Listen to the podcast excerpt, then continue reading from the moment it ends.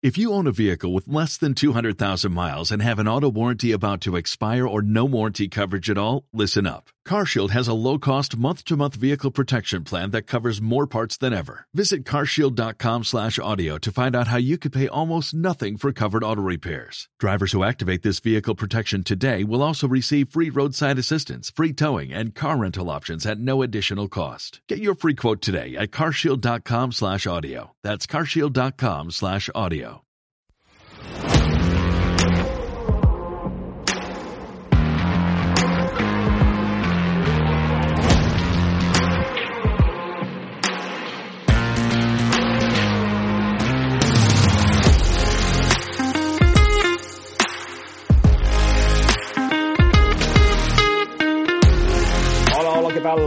Com estem, gent?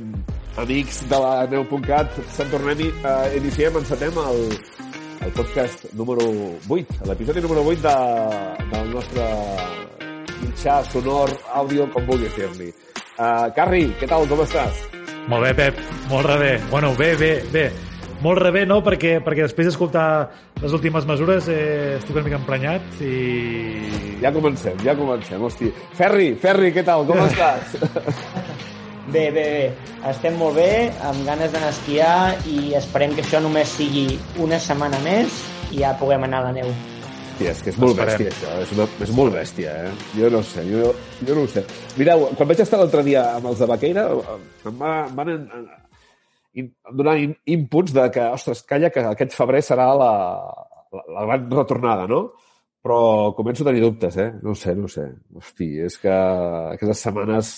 Com ho veieu, això, que allarguin una setmana? Jo confio que sí, jo confio que sí, que, que tal com diu la gent de Baqueira, al febrer tornarem i, i podrem recuperar tot el que no hem esquiat, esperem que també els comerços locals, els pobles del Pirineu i d'aquestes zones que els, estan, bueno, els hi afecten molt fort aquestes restriccions, esperem que es puguin recuperar i, i que puguin tirar endavant. Ho esperem.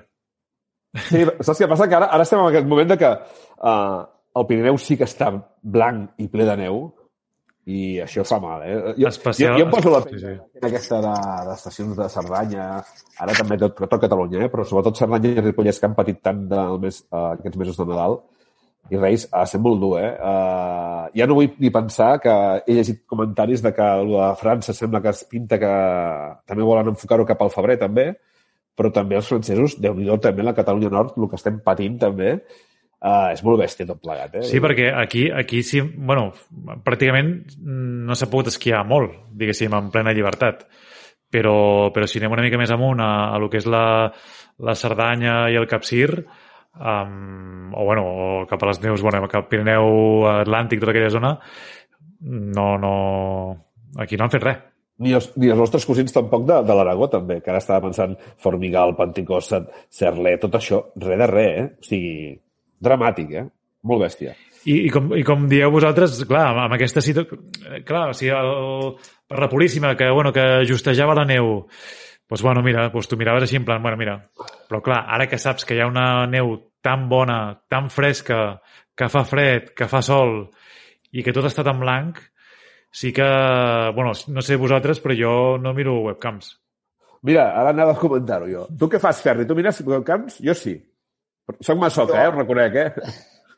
Ara no, en època de, bueno, de nevada i preesquiada, de que estàs planejant on anar a esquiar i tot, sí que em miro, però ara em- em faria mala sang. Mirar la neu per no poder-hi anar, Doncs jo, jo em faig mala sang i us diré que el que veig és, a part de que he ensopegat uns dies que he vist una, un sol esplèndid i un munt de, de neu, sí que veig que hi ha molts professionals, diguéssim, clubs de, de gent que estan entrenant, només això. Clar, com a responsable, si jo fos responsable d'una estació d'esquí i veure que només estic ocupant, a, jo què sé, un, un 2% de l'ocupació i que tots són professionals, bueno, que està bé que siguin professionals. Sí, Sí, Hòstia, eh, és un... Bé, bueno, és que no me'n sé venir. Bé, No sí, també, bueno, feia, una estona llegia un tuit que, que invitava a la reflexió, perquè potser això el Ferri ho coneix més, que ell segueix més el, el món de la competició. Si no recordo malament, aquests dies, a Buitaüll, se celebra una prova del, del Campionat d'Espanya d'esquima, pot ser? Avui comença. Sí. Sí. Avui Ah, comença, no? exacte. Fins, fins diumenge.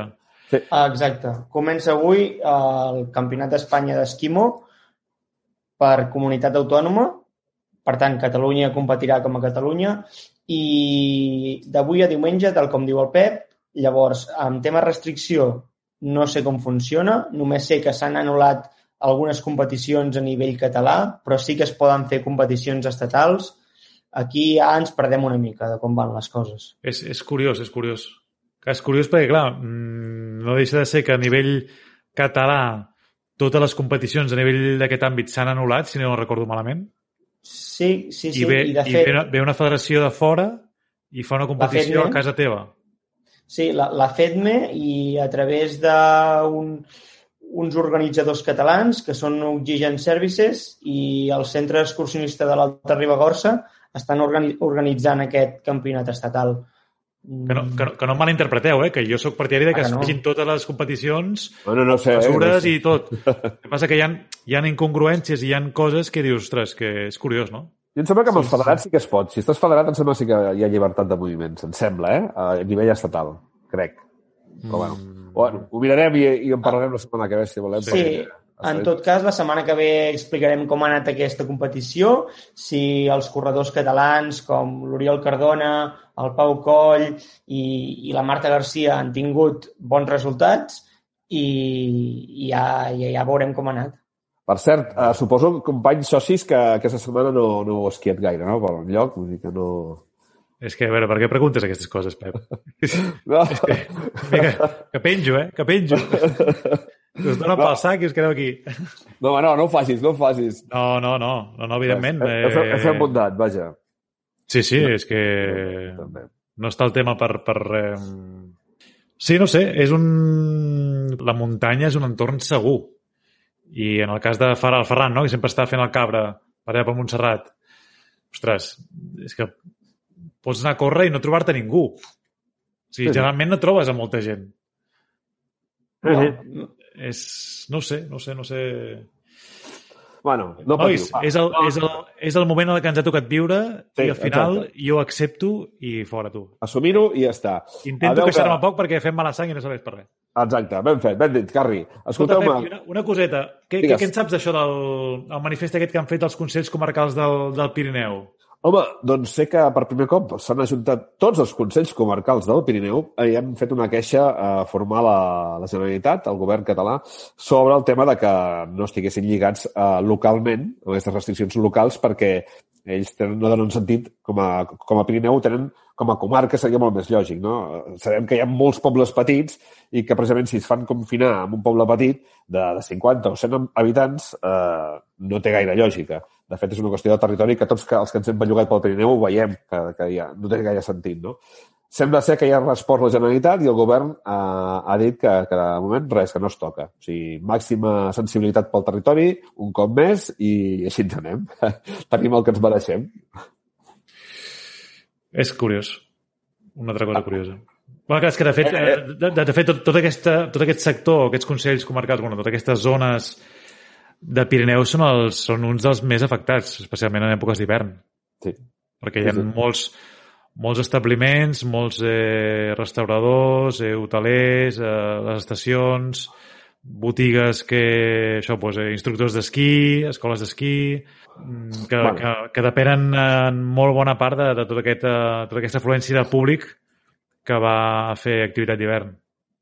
Sí, no sé. No sé com acabarà tot plegat, però bé, eh, en breu ho sabrem. Vull dir, però de moment sí que aquesta petició doncs, se n'ha caigut en un, en un sac, perquè no, no li han fet cas gens ni mica, per variar. Dit això, doncs, si us sembla més, eh, avui tindrem eh, de convidat amb el, el capo, el director d'una de, de les empreses més mítiques de Catalunya, que és l'editorial Alpina, que és el Martí Nadal, i tenim moltes ganes de celebrar amb ell el 75 aniversari, oi que sí?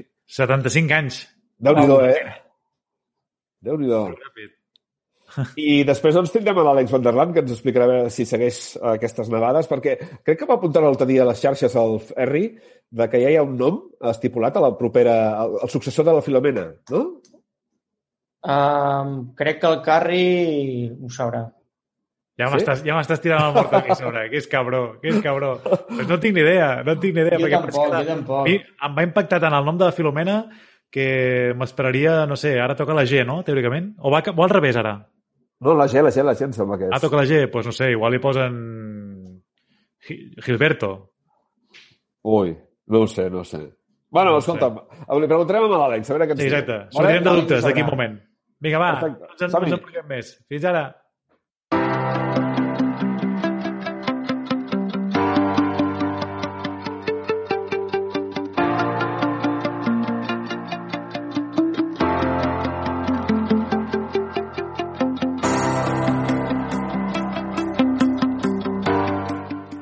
Bé, bé, doncs uh, tenim l'entrevista d'avui que ja hem anunciat, que és uh, amb la gent de l'editorial Alpina, en aquest cas amb el seu capo, el capo visible, que és el Martí Nadal, uh, una persona, bueno, és que, és que és tan bèstia aquesta persona que no hi ha, no hi ha adjectius. Pep, molts calma't, adjectius. calma't, calma't. Ja, ja t'estàs anant pels núvols, tio, tranquil. No, no, és que, que, a veure, gent que conegui tan bé el territori, la muntanya, eh, els plànols i tot això, eh, amb aquesta història, aquest bagatge que tenen l'editorial Alpina, hòstia, no passa cada dia. Martí Sí, sí. Nadal, què tal, com estàs, maco? Eh, bona tarda i gràcies per convidar-me, cracs. No, no, el, el crac ets tu, eh? Vull dir que... Uh, escolta'm, has fet la celebració aquest any, Sí, 75 anys. 6 de febrer del l'any 46, com si fos ahir, tu. Va parir. si fos ahir. 6 de febrer. Eh, de totes maneres, jo crec que si els fundadors avui aixequessin el cap i, i, i veiessin la feina que és els mal de caps i tal, dirien, esteu sonats. Si això nosaltres ho vam fer per passar-ho bé. Sí o no? La, la filosofia aquesta era... I tant, i tant. Quatre grups d'amics que anaven a la muntanya, no tenien mapes i munten l'editorial. Això és així. Sí, amb cap, amb cap objectiu empresarial, seguríssim. Vull dir que... Sí, Pues imagina't, imagina't a, a dia d'avui quants, quants mapes teniu ja, Martí? No, ara ja devem anar cap als 120 de títols, segur. Però eh, ells, ells feien, això van així, ells feien muntanya eh, propera a Barcelona, propera eh, res, a Granollers, eh, gent de Granollers i algun de Barcelona, i doncs, no hi havia mapa de Montserrat, no hi havia mapa de Sant Llorenç del Munt, i els van fer. I a així partir d'aquesta i així cosa va tan... néixer l'Alpina. Així va néixer l'Alpina. Déu-n'hi-do. A partir d'ara fem un pla de negoci, no sé, mirem, ja que no vam mirar res.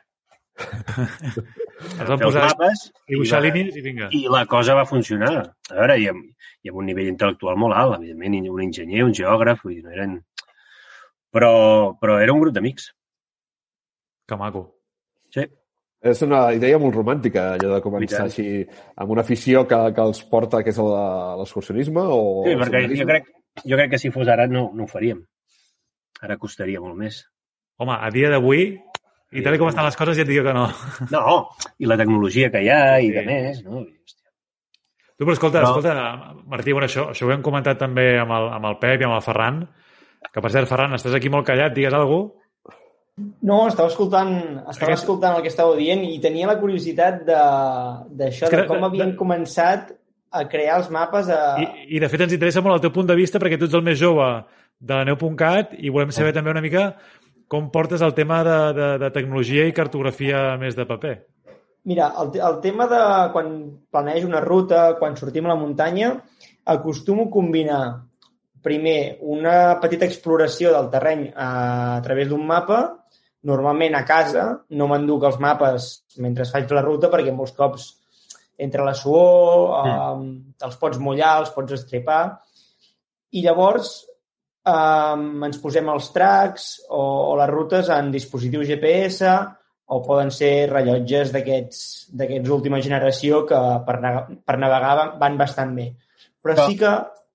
Digues, digues. No, digues, Ferran, digues, digues. Sí que sempre, eh, quan em pregunten quin rellotge eh, recomanaries per rutes i per fer sortides, sempre dic, no només et descarreguis la ruta, sinó també tingues traçabilitat del, de, de la zona a través d'un mapa físic, perquè va, va molt millor i saps per on et mouràs, quin és el terreny, què et pots trobar. Mira, és que ha dit una cosa molt important, el Ferran, que és planificació. Superimportant. Ah, això cada cop eh, ho tendim a menys, no? Ens en anem. On anem? Bueno, no ho sé, m'han dit que he vist que he llegit, a- he vist, tinc el wiki... No, no. Planifiquem-ho, perquè planificar vol dir també seguretat. saber on te vas, saber per on passaràs. Jo ja sé que és difícil, i ho deia el Ferran també, i la gent jove, anar, anar pel terreny amb el mapa, orientar-te, això ho, es pot entendre, i, i saber-te situar no és fàcil, no? Però allò de planificar la ruta que aniràs a fer i saber per on passaràs i quan has arribat, saber on t'has anat, hòstia, això és, és, és, és educacional. És que, de fet, i, de, I de això fet, s'està perdent. Això s'està perdent moltíssim. m'agrada que el. Ferran digui això, perquè o sigui, no té res a veure la, la tecnologia i la gent jove amb que tu segueixis eh, coneixent el territori o voler-lo conèixer. És No, combinable, no, total, totalment és combinable, Martí, perquè de fet, mira, jo tinc un, un mapa alpina de Montserrat i saps per què l'utilitzo? Mira, doncs... Ei, marronades Ah, no, eh? No, no, no. No. Qu- Quan torno de fer una ruta, uh, amb un retolador re, uh, repasso tota la zona que he fet. I tinc un supermapa que és gran com una taula de Montserrat i vaig repassant tota, tota, totes les rutes que faig i fins que algun dia el completaré i, i hauré Ah, fet molt bé. tot, sí, tots els camins de Montserrat. Llavors també és una part de record tenir un mapa i ben guardat, és, és, és molt xulo. És una, és una filosofia. De fet, eh, jo sempre quan, quan fem alguna entrevista o alguna cosa dic que ens manca cultura excursionista o cultura de muntanya. Abans eh, hi havia esplais, hi havia centres excursionistes, tu anaves i, i te- t'educaven de com anar a la muntanya. Ara no. I, I una de les coses que t'educaven a la muntanya era saber on t'aniries, preparar-te la ruta, per on passaries, on t'aniríem. Jo em trobo gent ara que els trobes a la muntanya. Jo aquest estiu que vaig anar a Andorra vaig al·lucinar. O sigui, la gent seguia cartells, la gent seguia la gent. O sigui, jo pujo per aquí, una cua acollonant de gent i al costat no hi havia ningú. Per què? Pues perquè la ruta no era coneguda, tu no t'has mirat el mapa i caminant a, a, amb la mateixa distància tenies un paisatge igual o millor i allà estaves fotent una cua de gent de, de, de, de 100 o 150 persones. Exacte, exacte. Un mapa sempre et permetrà buscar alter, rutes alternatives, camins Sí. alternatius per anar al mateix punt de... Vaig a Andorra, vaig anar a Tristaina. No, doncs pues, pues, pues vés al costat. Que tens una... Pues que, que tens, que, que, que aquesta- tindràs uns estanys igual de macos. Aquesta reflexió que fas tu, Martí, ens l'han fet diferents eh, altres eh, eh, actors del món de la muntanya que diuen això, diu, és que no, no estem en un país que hi hagi cultura de muntanya. I ens ho han dit guies de muntanya, Mm. ens ho han dit... Eh, pues, eh, ara tenim pendent una entrevista amb el cap de Pompiers de Vall d'Aran, també perquè, com bé recordes, a l'estiu passat va ser el que s'ha batut Sí. el rècord de rescats de, Mm. de, de muntanya. Sí. I- Però bueno, ah. aquesta gent ho té clar. Mira, per exemple, ja que treus el tema Pompiers Vall d'Aran, fa quatre dies ens van demanar mapes per treballar. Mm. Que els hi vam fer arribar, això, per col·laborar. Vull dir, Sí, sí. Sí, i, i, i des dels mateixos GRAE també es recomana sí, sí però, mapa. però, però està costant. No som, no som un país com França. Jo penso que això és educacional. Jo, jo tinc la sensació aquesta, que, que és un tema educacional. Jo, mira, amb això te puc posar un fil a l'agulla i és que jo aquest estiu vaig estar a la part de Sant Larí, a França, i, hosti, us haig de dir que vaig veure moltes famílies, eh, gent jove, però amb, amb, amb nanos petits, Sí. i tots amb, amb mapa. Bueno, flipar, Són els inventors dels sentiers de Milí, de, de llibres familiars per anar en rutes. És que tenen mapes Ah, per tot. Això seria l'equivalent als vostres Camins als de camins de l'Alba? Sí. Els camins de l'Alba. Val. És una idea, mm, no és original de l'Alpina. Que en el fons què és? El camins, tu què quan vas a les fires de Frankfurt i quan vas a fires així mires què, fa, què fan altres països. I així el camins de l'Al- de l'Alba, explica'ns més o menys què, quina és la No, filosofia. Camins de Baix és una filosofia de, de rutes que no són mapes, són excursions, són 20 excursions per ruta, destinades a gent que comença a caminar o que va en família i que busca llocs fàcils d'orientació, indrets nous i sense massa dificultat tècnica. És això. Sí que és Ahà. veritat que eh, depèn la zona, la, la, la, la dificultat puja una mica. No és el mateix una guia de Collserola que una guia d'Ordesa, per molt camins de l'Alba que sigui. Clar. Saps què vull dir? Però Ja. està pensat per camins eh, sense dificultats d'orientació i que no siguin tècnics. La veritat que Quants- en, Quants llibres d'aquests teniu? ara devim tenir-ne 40. Carai. Sí, perquè a part de les zones també tenim un que és monogràfic Catalunya, que fem senderisme, castells, camins vora mar, eh, santuaris de muntanya... Tot això destinat a públic familiar. Uh -huh. De fet, són les línies d'Alpina, eh? són les, les, els, els mapes, i dins dels mapes tindríem diverses categories, les guies aquestes de l'Alba i després ja hi ha unes guies més pensades per l'excursionisme de dur més, més expert, diguem-ne. Vull dir que són tres línies aquestes. Que teniu, I el, dies... i, el te I el tema digital, que el tenim, però que és, un negoci, és una font de negoci molt petita, també us ho haig de dir. Per què? Teniu- Perquè el tema, el tema digital hi ha molta pirateria, es còpia, la gent no vol pagar, vull dir... Sí, és així. No, és... Sí, sí, aquesta, aquesta és l'altra. Recordeu, quan, recordeu quan feien pagar un euro pel WhatsApp? La gent va fotre el crit al cel i estaven pagant els SMS a 0,50, em sembla, no? Era? Sí, sí, Quan, sí, sí. vull dir que és així. El tema internet és tot gratis. A mi això em preocupa perquè hi haurà un moment que, que els continguts s'han de pagar. I tant. O sigui, jo no puc, jo no puc estar fent un mapa al Montseny durant un any i mig de treball de camp amb gent que està trepitjant el terreny, buscant, preguntant, fent i tal, i això regalar-ho. És és impossible. El, el tema que comentaves del tema digital, jo de fet el recomano bastant quan em demanen a... La, la gent em demana a vegades recomanacions de rutes i excursions perquè Mm. per només 10 euros et pots descarregar virtualment el mapa de, Sí, sí, de moltes zones. Està molt Sí. bé, col·laboreu amb, amb l'empresa Tunap. Correcte, sí, sí, sí, sí. Som, bueno, de fet, els vam, vam veure créixer amb ells i vam, fa molts anys que ens coneixem. Són una gent d'Arenys Mm. i, vull dir, capital 100% català i amb una feina extraordinària. Aquesta gent, a part de fer un software espectacular, estan fent bons GPS, vull dir, sense, sense fer massa soroll, però un producte que li pots incorporar mapes i per mi això és essencial. Un GPS tu li puguis posar un mapa sigui d'on sigui, ja sigui de l'Alpina, sigui de, de l'IGN francès o, de, o, o si te'n vas a, a, al Marroc, de, no sé, de Piolet que el té, per exemple, no? Per mi això és molt important. O sigui, un aparell sense cartografia, no sé, jo no... Exacte. no a mi no em convenç. No, no. I aquesta gent ho han fet bé, per mi. I l'altra- quan em diuen alguna que és recomanar, dic, home, aquesta gent el que pots fer és que si tu t'agraden els mapes, podràs veure en el teu GPS els mapes. Jo el que, jo el que acostumo a fer, i abans que parlàvem del tema de la planificació, jo quan faig qualsevol sortida a muntanya, a no ser que sigui una zona ja que me la tinc molt, molt mamada, mm, ostres, a mi m'agrada molt l'etapa de la planificació. És que m'encanta. M'encanta planificar la, la, la ruta i, i és que trobo que sense un mapa eh, eh, topogràfic o cartogràfic, que, mm, hòstia, és que no, no, no, no ho sé fer. No ho sé fer. I, i és més, tu planifiques sobre mapa, llavors, si vols, evidentment, et crees un track i tu passes en el GPS digital o el rellotge on vulguis, però és que mentre vas navegant, tu amb el mapa pots dir, mira, ostres, és que això que vaig veure aquí és això d'allà, saps? O, o aquí tinc una referència d'un pic, hòstia, quin pic és aquest? Doncs mires el mapa i ho saps. Però, però igualment, això que diu Josep, fem-ho cap a, ara, que, ara que patim un confinament aquest municipal, la gent no coneix el seu entorn. Sí. La gent no coneix el seu entorn. Jo ara parlaré de Granollers i que no se m'emprenyi ningú, però tots anem a la Riera. Tothom va a la Riera o si no se'n va eh, cap al Montserrat Montero, que ja no diem ni la Serra de Llevant, no, cap al Montserrat Montero o cap a la presó. Hòstia, Mhm. ja sé, i Granollers tenim molt poc, però tenim coses per descobrir. És el Sí, sí. moment, tu estàs confinat, tu agafes un mapa i perda't, Mm. no sé, Sí, sí. perda't. Agafa camins i, i, i descobreix-los, no? De, No de, de, fet, de, de fet, molta gent que, que, que coneix, o sigui, té com a referència l'Alpina com a, com a això que, que feu eh, doncs, creació Sí. de mapes i edició de mapes doncs, mm, per muntanyers, però, però també teniu una gran quantitat de mapes això que dius tu, doncs, eh, doncs de, de municipis, de Collserola, de Granollers, de, de molts, molts municipis, correcte? Clar, mira, ja, ja va haver-hi una vegada l'Alpina va patir l'any 93, 94, bueno, es va dissoldre la societat i això, i La Vanguardia va fer un article i la periodista l'acabava dient que bonito es perderse con Alpina.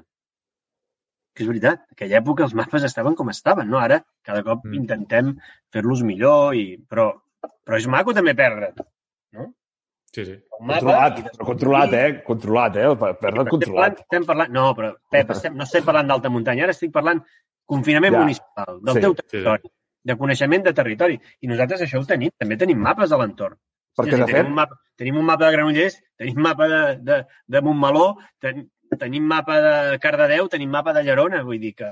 que de fet, suposo que amb això del confinament heu notat alguna, alguna tendència, perquè, clar, molta gent està descobrint els seus indrets més propers, que és el que diem, no? Que Sí, sí, que sí. amb errors, perquè, perquè la gent va, per exemple, als llocs de sempre més turístics, però, però ostres, segur que estic convençut de que la gent està des- redescobrint el, el Sí, territori. sobretot a nivell eh, d'allò hi, ha, hi ha demanda de, de llocs propers, Senyorets del Munt, Collseroles... Sí, es nota una miqueta. Sí. Martí, de, de mapes de la neu, què, què teniu actualment?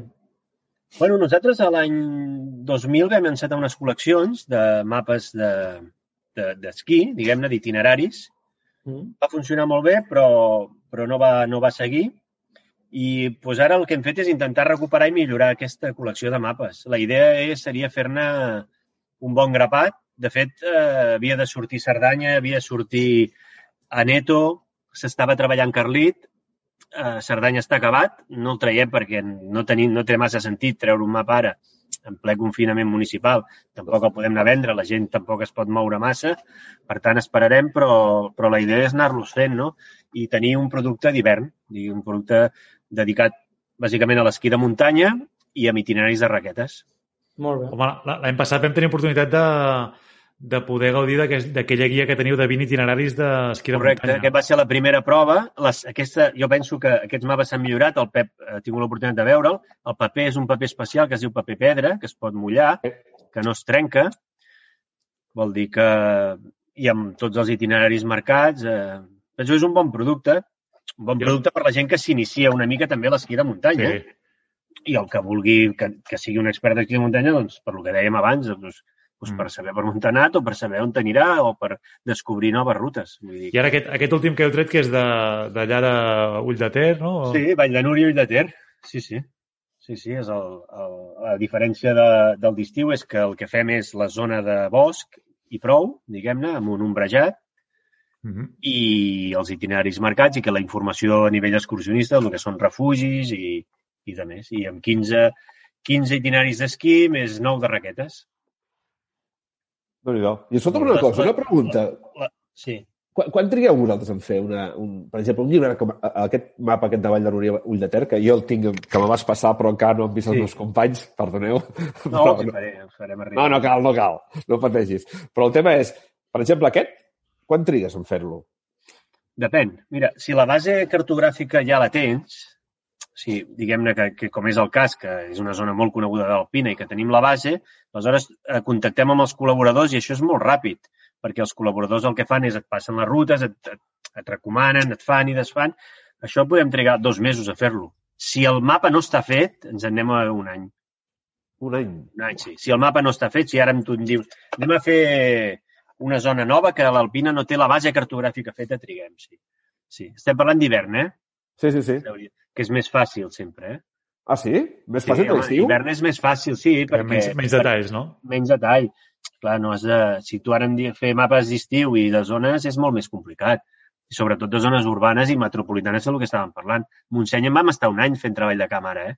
D'un mapa que ja estava fet. Déu-n'hi-do. Clar. És veritat que el de, treball de, Montseny, el de Montseny fa relativament poc que l'heu Fa reeditat. molt poc, però clar, és que hi ha molt treball de camp, és que tampoc tenim un exèrcit aquí. La, la, I- l'editorial Alpina és una és empresa de familiar petita. El? Aquest treball de camp a què et refereixes, qui, Treball de camp, nosaltres el que fem és agafem un mapa, el quadriculem, vol dir que anem fent quadrícules i cada quadrícula la repassem una per una. Això és el que es fa. Però repassada vol dir anar al territori. Sí, anar al territori o contactar amb aquella gent del territori. Això, teniu molts contactes d'aquests, oi? Teniu Hi ha dues contactes. formes perquè no podem anar a tot arreu, però, per exemple, el, el, el director de camp nostre el que fa és quadricula el mapa, truca als col·laboradors i diu, escolta'm, aquesta zona en pots, aquesta zona en pots, i a partir d'aquí va treballant, va fent i va revisant el mapa. Déu-n'hi-do. Sí que és veritat que, que hi ha zones que costa més trobar col·laboradors, hi ha zones que costa menys. Eh, Montseny, fantàstic perquè el director de camp és d'allà i, i té molts col·laboradors. Mallorca, fantàstic perquè la persona és d'allà i tenim un exèrcit, allà sí que hi ha un exèrcit de gent que cada dia va a la muntanya i que ens passa i tracks i rutes i de més, que això és un altre, un altre punt molt a favor. Hi ha molta gent i de la que hem d'estar superagraïts que quan va a la muntanya t'envia tot, t'envia tracks i t'envia eh, mapes i et diu, escolta, s'ha de, de modificar aquí, s'ha de modificar allà. Vull dir que això també està molt bé. Si tu vas a la muntanya, veus un error, doncs els el dius. Molt bé. I, Molt bé. Escolta, I Martí, per, per un amant de la, de la muntanya i de la natura com tu, ja sé que és difícil dir, pues, mira, això o l'altre, però quins, quins serien per tu mm, llocs o zones que per tu dius, hòstia, és que sí o sí s'ha de visitar un cop a la vida? A Catalunya, jo- dius? Sí, aviam, no, home, si em dius a Pirineu, clar, jo perquè tinc ara molta tendència i estic una mica eh, enamorat del Ripollès per, per motius, perquè, perquè és molt a prop, perquè, perquè hi anar, perquè vas descobrint. Si em dius una mica més de Pirineu cap a, cap occidental, et diria que jo em vaig enamorar molt i, i per motius familiars ara em costa molt anar-hi, Ordesa. Però per mi, la vall d'Ordesa, mm, Espectacular. Però si vas a, a mi si em fas triar, doncs a mi m'agrada molt. També perquè va ser unes èpoques en què Alpina fèiem un projecte allà que, que vam fer com un, un tour virtual que veníem i vam passar-hi molt, molts, moltes setmanes i vam, clar, ho vam conèixer a fons, no? Però a mi són dues zones que, de fet, el mapa d'Ordès el tinc penjat aquí a l'Alpina i el, i el del Ripollès també. Vull dir que serien... Quedes, quedes retratat, no? Només entrar a l'Alpina ja saps per on va la cosa. Sí, però és que Tampoc és el... No, però tot aquell sector que abans parlàvem, no? Però tot el sector Vall de Núria, Balandrau, Sí. tot això. penso, És espectacular. Per mi m'agrada molt. Sí, No sí. sé, té, un, té, té, té un encant d'aquell Pirineu. Que, que penso que tenim molta sort, eh? De tenir a, a, a, molt a prop uns paisatges d'una bellesa espectacular. Hòstia, en una hora te'n pots anar a, Cap de Creus i amb dos estàs a, a Pirineu, sí, sí. pujant un cim. en, això, en això no ens costarà molt posar-nos d'acord. Tenim un país de puta mare. Això és, això és veritat, no? Però a vegades no ho valorem. Jo penso que, hòstia, sí, sí. Sí. No, i també, també és veritat que, tornant una mica a un dels punts que, que parlàvem inicialment, jo crec que amb els confinaments molts de nosaltres hem pogut redescobrir els nostres municipis mm, i moure'ns per llocs que, que bueno, en el meu cas jo estic a, a les franqueses del Vallès bueno, i sí que jo, jo he corregut molt amb bici i, bueno, de tot, caminar i de tot, amb els gossos, amunt i avall. Però és que inclús encara ara estic trobant corriols nous i, i llocs que dius, ostres, que sembla que estiguem a Costa Rica. però, però Josep, tu ara eh, eh, porta't, em porta't Llerona eh, dues hores i mitja. I Ah, no, aniries no. i diries, hòstia, he estat Clar. en lloc... No, Sí, sí. Sí, sí, sí. sí, sí. tenim, a, ho tenim a 10 minuts. sí, sí. Hòstia, És una passada. penso que... No, no, és que di- di- dins mateix, dins mateix del Ripollès, clar, Ripollès, quan parles de Ripollès, de seguida tot se'ns en va, eh, doncs això, doncs, eh, tenim la ment cap allà, doncs, cap a Ull de Ter, la, bueno, Mm, la no. vall aquella, no? Doncs tota aquella història. No, hi ha molt, hi ha Però és que vam, vam fer les proves de, de, de, de, de guia de muntanya entrant a Ripoll amb esquerra. Te recordes Sí. aquella que et vaig demanar un mapa d'aquella zona? Les, les, les lloses, Sí, No? tota aquella zona allà. sí, sí. Allò també també és molt maco, allò. Bueno, ara nosaltres eh, traurem un mapa d'aquí una setmana, bueno, un mapa d'estiu, no un mapa de tot l'any, però que traiem el títol d'una nova edició de Montgrony, territori Això, fantàstic. Montgrony. Sí, sí. Que aquest el traiem, fem nou, ara el traiem. Clar, és que tens... No, tens... És... Bueno, jo penso que tot el país que tenim eh, Sí, sí. no ens l'acabaríem. Ens el, ens, el, ens el mereixem o no ens el mereixem? No ho sé, eh? a vegades penso que... Però bueno, és igual, va, Clar deixem-ho. que sí, clar que sí. Sí, home, sí. I esperem que ben aviat ens deixin tornar a, gaudir-ne. redescobrir-lo i, i a perdre'ns amb, amb l'alpina a la butxaca. Com Ah, deia també, per cert, per cert, una de les coses que també vau tenir últimament de, de novetats, eh, els bolets, els meus estimats bolets. Eh, Sí, sí, passo sempre de puntetes perquè hi ha gent que se m'enfada, m'han dit de tot. Per què? Són, són, jo li dic, llibres de bolets polèmics. Bueno, perquè jo, nosaltres, en el moment que vam decidir fer mapes de bolets, vam anar a buscar la persona eh, que pensàvem que era un expert en el món del bolet, que és el Marc Casabós, que més és un naturalista, és una persona que col·labora amb moltes entitats per la neteja de, de, dels boscos i per la preservació i de més. I ell parteix, igual que nosaltres, i per això ens vam posar molt d'acord, que el, el coneixement del territori t'ensenya a respectar-lo. Però sembla que si tu dones a conèixer on es fan els bolets, estàs, bueno, Sacrilegi. jo penso que, primera, no es venen com xurros els llibres i els mapes, malauradament. Per tant, eh, per mi el mapa, això no ho nota, el, això el territori no ho nota. I, I segona, jo tinc la sensació que la gent que compra llibres respecta el, molt el territori. Potser m'equivoco. Totalment. Jo Potser m'equivoco, però si Sí, tu sí. tens les ganes d'anar-te en una llibreria, agafar un llibre de bolets, mirar-te on t'aniràs, mirar-te què trobaràs, eh, em, em sembla ja que ja, ja és un punt a favor de... Ja dona una idea, dona una idea de, de, la, de la persona, de la sensibilitat d'aquesta persona. Sí, sí. O, bueno, hem fet quatre títols, la idea és fer-ne uns quants més i la veritat que han funcionat molt bé. Han funcionat Escolta, molt bé. ara, ara ja, arribats a aquest punt, eh, els nostres oients i les nostres oients um, ja estan ja amb ganes de, de, de, de- recórrer i conèixer territori. On, on es poden trobar aquests, aquests mapes i guies de, de l'Alpina? Uh, llibreries i sobretot quan és a territori, diguem-ne, de muntanya, també tenim molts punts de venda. Però sobretot uh, el que són llibreries. I venda online també en feu? Venta online també, pàgina web, sí, sí, sí. Sí, que és editorial, editorial Alpina.com. alpina.com. Punt com. Punt com. Sí, sí, sí. Perfecte. Molt bé, bé, doncs Martí. escolta'm, ens celebrem que hagis fet 75 anys, no tu, no tu, No, jo no, ets jo molt no. més jove. Molt més jove no, però no. no Bé, sé calla, calla, calla, calla. Escolta'm, sí que us vull tornar a agrair, eh, més felicitar-vos per la feina que feu, que és molt Gràcies. bona, és molt xula. Soc un seguidor number one vostre. No, Gràcies, gràcies. Gràcies, gràcies. Pensa que I- nosaltres, ets, ets la Bíblia, nosaltres. La, la Bíblia de, Sí. de la muntanya és això. Quan tenim I el, món, I el món de la neu només em queda dir que molts ànims, que jo penso que, que és Ens que... faran falta, eh, perquè ho notem, ho copsem en el, el sector i el territori i està fotut amb aquest tema. Està molt fotut, però bé. Esperem que, hòstia, que ben aviat puguem, puguem esquiar. Va, a veure, a veure el febrer. A veure, a veure. Creuem I a veure, si, més. i, a veure si, a tots. I a veure si es podem trobar esquiant, Martí. Vale, va. O fent Vinga. raquetes. Una abraçada, Martí. Que vagi. Una abraçada. Adéu, maco. Adéu, Adéu, gràcies. adéu.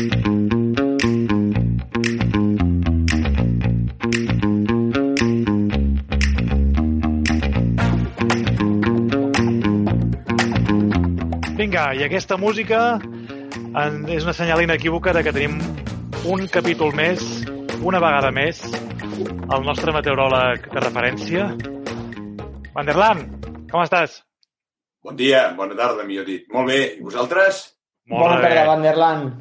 Molt bé, molt bé. Què, senyor? Hosti, t'has recuperat ja de la Filomena i de tants, tant, tantes imatges i tantes, eh, tants missatges que et venien de, de tot arreu? Sí, sí, sí, sí. Home, a veure, en definitiva, eh, molt content de, del que ha implicat a nivell meteorològic. Jo crec que hi ha hagut un encert bastant important, tot i que la Díaz Ayuso, pel que es veu a Madrid, deuen ser l'única comunitat, tot i que s'anunciava des de l'AEMET que anava a ser una nevada històrica que no es van enterar, però bueno, això és un problema, suposo, comunicatiu, potser que algú assessori a l'Ajuntament d'allà, a veure, però eh, força content.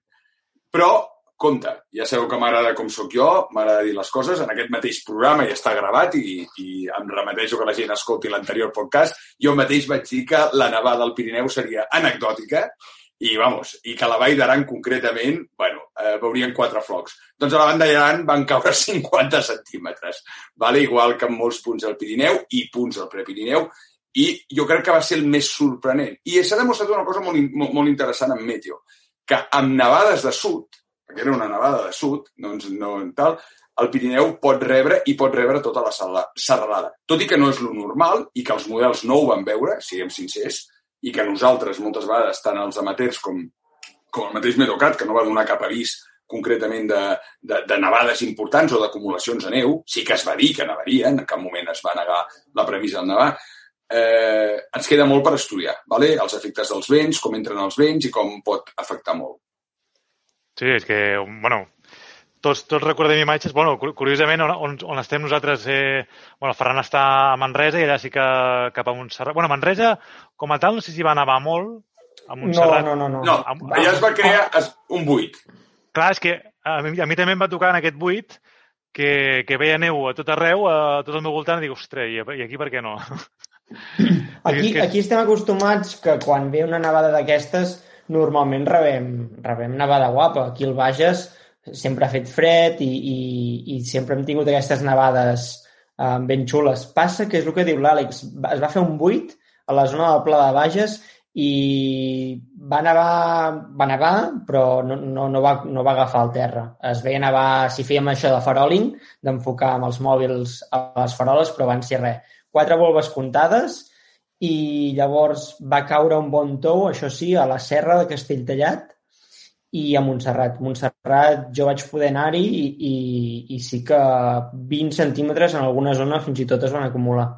Correcte, va ser, va ser un tema, a veure, després eh, amb, amb fòrums aquests de meteorologia, eh, fent una mica de microanàlisi, analitzant, va ser un tema de vents, o sigui, els vents terranis, que ens pensàvem que, que, que aguantarien més en aquesta zona, és a dir, que els vents humits no tindrien tanta influència com sí que es veien a la costa, que anaven en seguida a fer pujar la cota, que havíem parlat fins i tot de ràpidament pujar els 600 metres, doncs aquests vents van poder adintrar-se més perquè realment els vents terranis, la direcció en què bufaven, ho va canalitzar tot, diguéssim, la vall de l'Ebre. Clar, que penseu que la vall de l'Ebre va actuar... Molta gent em preguntava, i com pot ser que estigui nevant eh, tant a nivell de mar al, al delta i tota la zona del, del sud?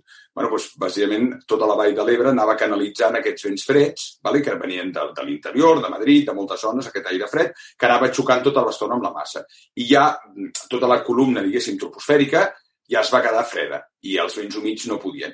Lamentablement, doncs, a la vostra zona, com molts punts del nord-est, el braç humit va entrar amb més força i llavors la cota va quedar relativament alta. Per això Montserrat, per exemple, o aquests cims ja més alts, van rebre un bon gruix de, de neu. Però que si no, els models, per exemple, a la vostra zona estaven donant 400-500 en el moment de, de màxima precipitació. Tot i que havia algun model eh, que va sortir, jo me'n recordo l'UBRF, em va estranyar que feia aquest buit, no? I vas pensar, bueno, a veure, és un, i com que n'hi ha tants, dius, no l'encertarà, doncs la va encertar. Aquest model, per exemple, jo me'n recordo d'haver-lo vist, fins i tot el Meteocat el va publicar, com abans he dit mm. que no havien, aquest el va publicar el Meteocat, i efectivament va ser un dels models que va encertar aquest buit. Va preveure que aquests vents eh, no tindrien suficient força com per mantindre la cota.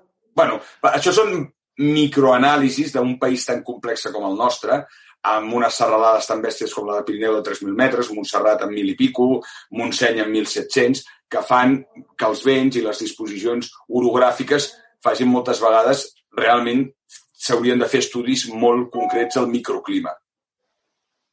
Escolta, Àlex, i, i parlant una mica de com, de com estem visquent aquest hivern a nivell meteorològic, és cert que, que en general podem, podem veure que és un hivern fred i amb precipitació.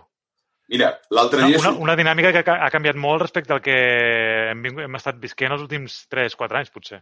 Correcte. Si, si recordem una mica pels els nostres oients, quan vam començar aquest, aquest any, vam parlar de l'AO, eh, la de l'oscil·lació àrtica, i vam dir sí. que és un índex que ens manté una mica, una, que si l'aire fred queda molt tancat dins de l'Àrtic o aquest aire fred està eh, doncs més dinàmic, se'n surt, i precisament el que està passant aquest any, que l'Àrtic no tenen tant de fred.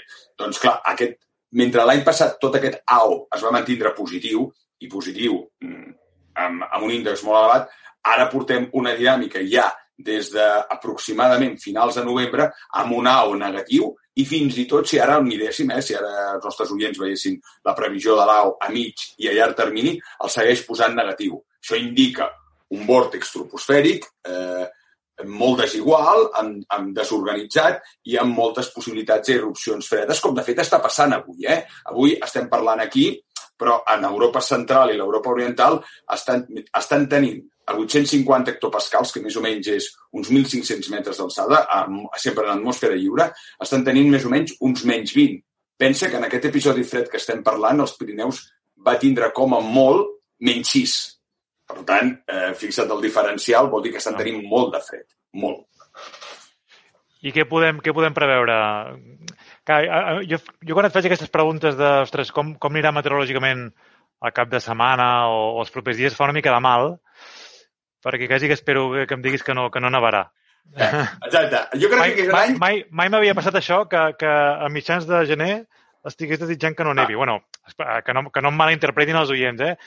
tots aquells que pugueu disfrutar de neu i els que estigueu confinats municipalment en territori de neu, disfruteu tot el que vulgueu, pengeu totes les fotos perquè els que no ho podem eh, fer, doncs almenys puguem compartir aquesta experiència. Correcte, correcte. És és un any que fa mal les previsions i, i lamentablement el Pirineu està espectacular ara. Eh?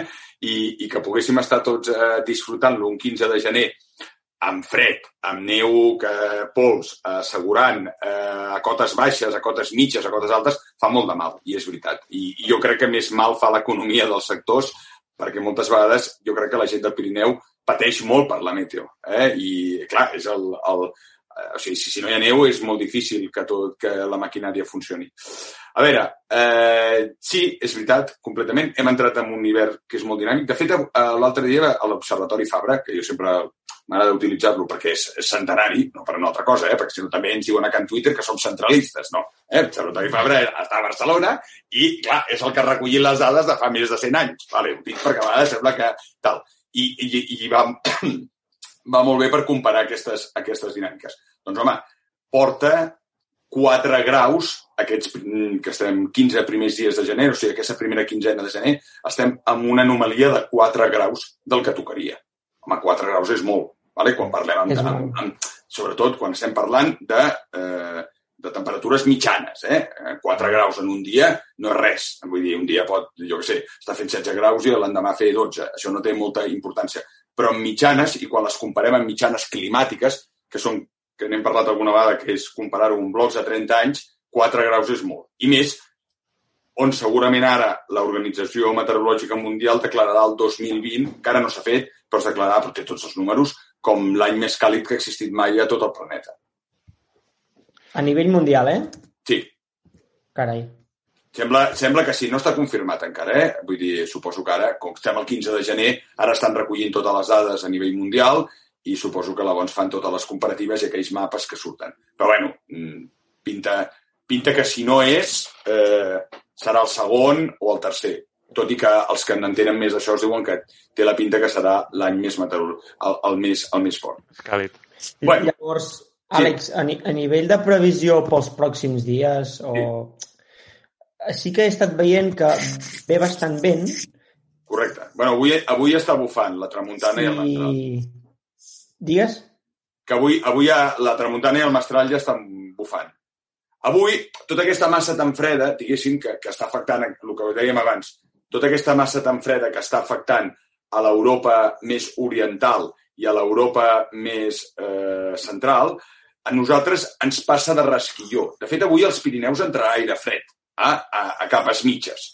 Ho dic perquè si ara miréssiu temperatures dels Pirineus aquests dies, a, a 1.700-1.800, tot just està gelant, mentre que a les, a les fondàlies, no sé, Puigcerdà, Das, parlem de la Cerdanya, tenen valors molt bèsties, eh? ja no parlem amb les zones del Segrià, amb Boira i tot això. Doncs avui entra una mica d'aire fred, entra uns 2 graus sota zero, i refredarà una mica l'ambient cosa que també podríem dir en aquells temps d'abans, podran produir neu, no els hi cal. Tampoc tenen esquiadors, vale? però eh, sí que, que entrarà aquest, una miqueta d'aire fred. Molt bé. Escolta, i ara que parlaves d'això d'aquest hivern més dinàmic que estem, que estem visquent, sí. sí que recordo que quan començàvem eh, els primers episodis del podcast, ja recordo que anunciaves que seria un hivern mogudet. Exacte. Amb aquelles, amb aqu... com ho deies, allò, les vinculacions aquelles... Teleconnexions. Ah, això. Les, les teleconnexions... Aquestes interestel·lars. Clar, sí, sí, que, a veure, que, que estan molt criticades en el món de la metro, les teleconnexions, no? Perquè la, una teleconnexió vol dir que algú que està passant molt lluny de nosaltres ens afectarà. Això eh, seria el resum ràpid, ¿vale? O sigui, algú que està doncs, passant-nos a l'Àrtic, etc. I hi ha la teleconnexió que ja parlarem un altre dia, que és la niña, que també s'està produint. Vale? És que ara t'anava a preguntar per la, per la niña. Dic, dic s'està produint la niña? La niña s'està produint. El que passa que ara, això són els científics i els especialistes, han de veure que, que aquesta niña, si realment, quina afectació està tenint a Europa. O si simplement és, és una casualitat i és més l'AO o a l'escalfament súbit estratosfèric que hi ha hagut. Ara, per exemple, és que m'estàveu preguntant per la previsió. A veure, Previsió és que avui divendres pot nevar una mica al Pirineu, nord d'Andorra, Pallars, eh, nord de Vall d'Aran, cota baixa, vale? 800 metres, baixant fins i tot a totes les cotes, eh? a 400-500 per això que us deia que entrava l'aire fred. Vale. Diumenge i dilluns a la matinada pot tornar a vindre una mica de, de neu. Vale? També, de nou, al, al, al Pirineu, la vessant sempre més occidental. Entrant de nord, això significa, sempre ja ho sabem, tramuntana i mestral.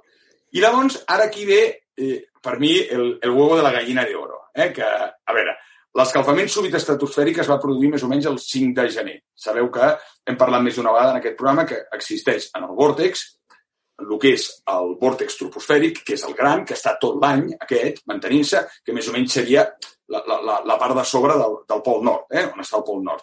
I existeix un vòrtex que es forma que s'anomena el vòrtex estratosfèric. Aquest vòrtex neix de forma natural, més o menys, a, a l'octubre i mora al mes de maig per l'inclinació de l'eix de la Terra. Significa que allà no toca el sol i es refreda molt.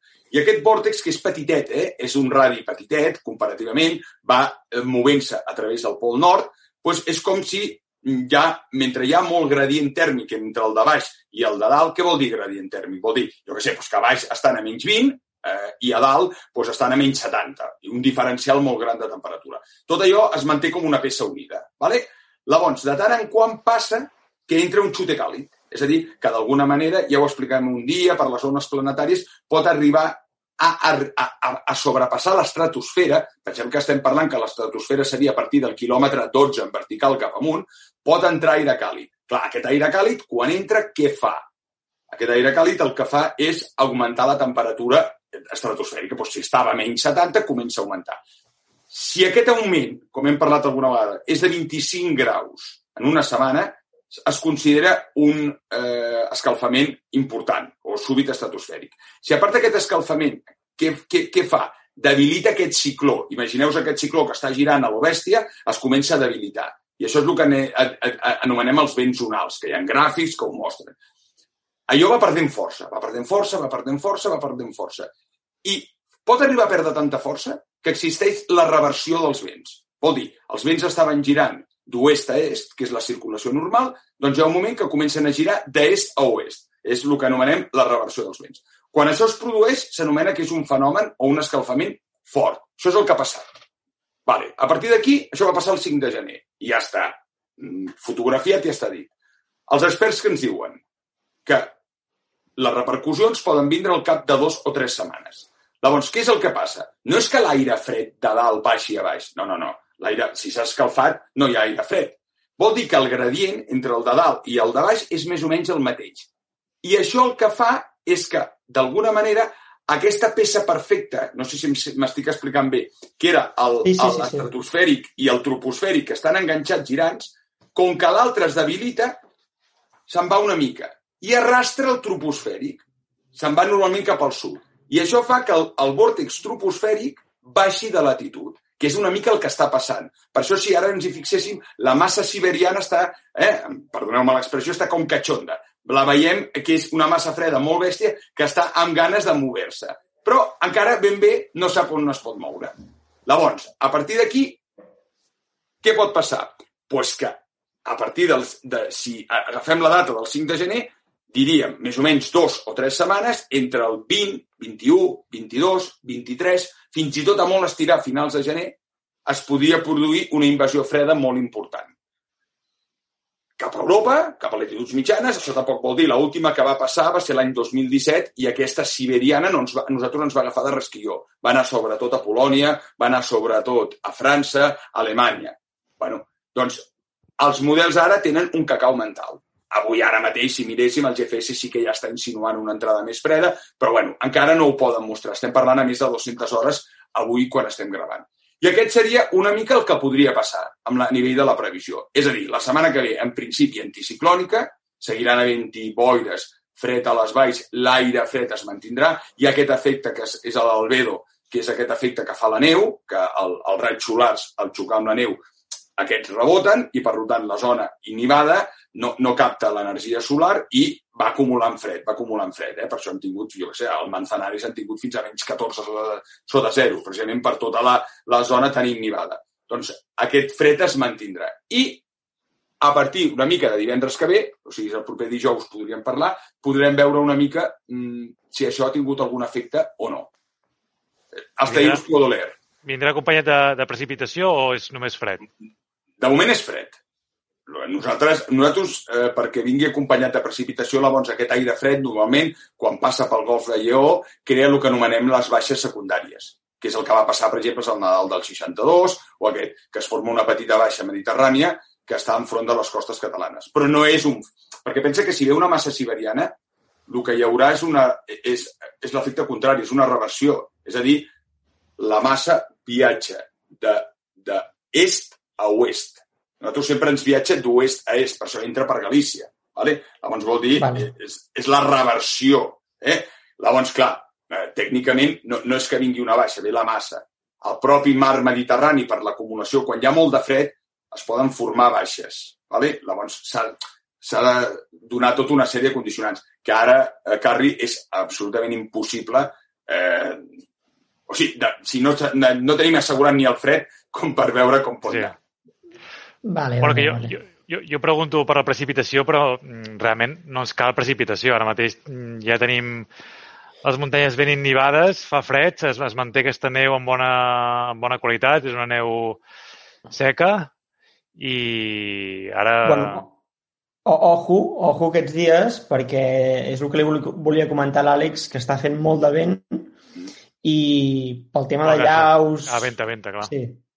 Aquests dies farà molt de vent a muntanya. De fet, avui han suspès una de les proves del Campionat d'Espanya a Vuitaüll, que s'havia de celebrar eh, avui mateix. Crec que era la prova d'esprint, l'han suspès pel vent i he vist algunes imatges i està fent molt de vent. Llavors, precaució per la gent que pot fer aquests dies d'esquí de muntanya, perquè sí que el tema de llaus augmentarà durant almenys fins que pari de fer vent i uns, uns quants dies més. Sobretot avui i demà és quan bufa més, el Bufa diumenge fluixarà una miqueta, però amb les nevades que tornaran a vindre després es tornarà a reactivar. I és veritat, hi ha molta neu acumulada i, i pot haver-hi el perill de llaus. Escolta, Àlex, pues, eh, una vegada més, gràcies per compartir tot aquest know-how que diuen els, els tequis, bueno, els, eh, els eh, cools, no? Eh, és, és realment un plaer i, i ens encanta seguir aprenent del món de la meteo al teu costat. Aprenem tots a tots, eh? És, és, Sí, la, la, la veritat que cada, cada, cada dia que parlem amb tu és com una classe de meteorologia, la veritat. Bueno, no, que va, ja m'agradaria, però Sí, bueno, és, sí, sí, sí. és, és sobretot que, pues, que, que la meteo és una cosa molt complicada i que dos més dos no és quatre, i és veritat, i, i jo entenc que la gent es queixi, però que, bueno, que, que a vegades mm, eh, hi ha teleconnexions, hi ha històries que ens poden donar pistes, però pistes no vol dir nevarà a Barcelona, nevarà a Manresa o nevarà a Igualada que és el que la gent vol sentir, eh? ho entenc perfectament, perquè estem en una època on, on jo que sé, amb un botó eh, podem encendre una estufa que està a 2.000 quilòmetres i la gent encara no entén com no es pot dir un dia abans si nevarà en el teu poble. Doncs pues no, en meteo no es pot dir. Personalment, prefereixo que segueixi així. Sí, Una mica de- d'incertesa i una mica de, de, ostres, d'improvisació, no? Eh, estem acostumats a que tot és pam, pam, pam, no? I Ho fa més posa, maco. ens posa tots a puesto, tot això. La natura ens Sí, posa sí, tots sí. a puesto. bueno, la- l'atmo- l'atmosfera és caòtica per definició, eh, a part és algo que està viu i a part és algo que nosaltres a l'home estem manipulant, perquè eh, podem tindre molts algoritmes informàtics, moltes previsions, però el mateix canvi climàtic és un algoritme que canvia els algoritmes anteriors, amb la qual és complicat poder predir el que encara no sabem. Eh, tantes vegades ho hem dit i és veritat, eh? si miréssim fa eh, predictors de fa 30 anys, gent molt preparada, eh? i no ho dic amb cap tipus de, de, de cachondeo, ja es deia que els Pirineus solament es podria esquiar a partir dels 2.000 metres, 2.100, 2.000 cap amunt. I avui en dia, pues, encara s'està esquiant a cotes tan baixes com el Pla de Masella, que són 1.600 metres o molts punts. I aquests dies s'ha esquiat a, a, a, la, a la zona de ports, a les Terres de l'Ebre, vull dir... I a Madrid també, a Madrid porten uns quants dies esquiant. Bueno, va, Vinga, guapo. uh, la setmana que ve seguim parlant d'actualitat de Meteo. Merci, ja ho veurem. La setmana que ve ja sabrem una mica tot aquest rotllete a quin punt està. Si aquest escalfament s'ha quedat con un calentón i s'acabó o, o hi ha alguna cosa darrere. T'anirem seguint pel Twitter a veure si la ciberiana aquesta es deixa veure. Molt bé. Vinga, guapos. Vinga, va. Que vagi molt bé. Adéu, adéu. Adéu, Àlex.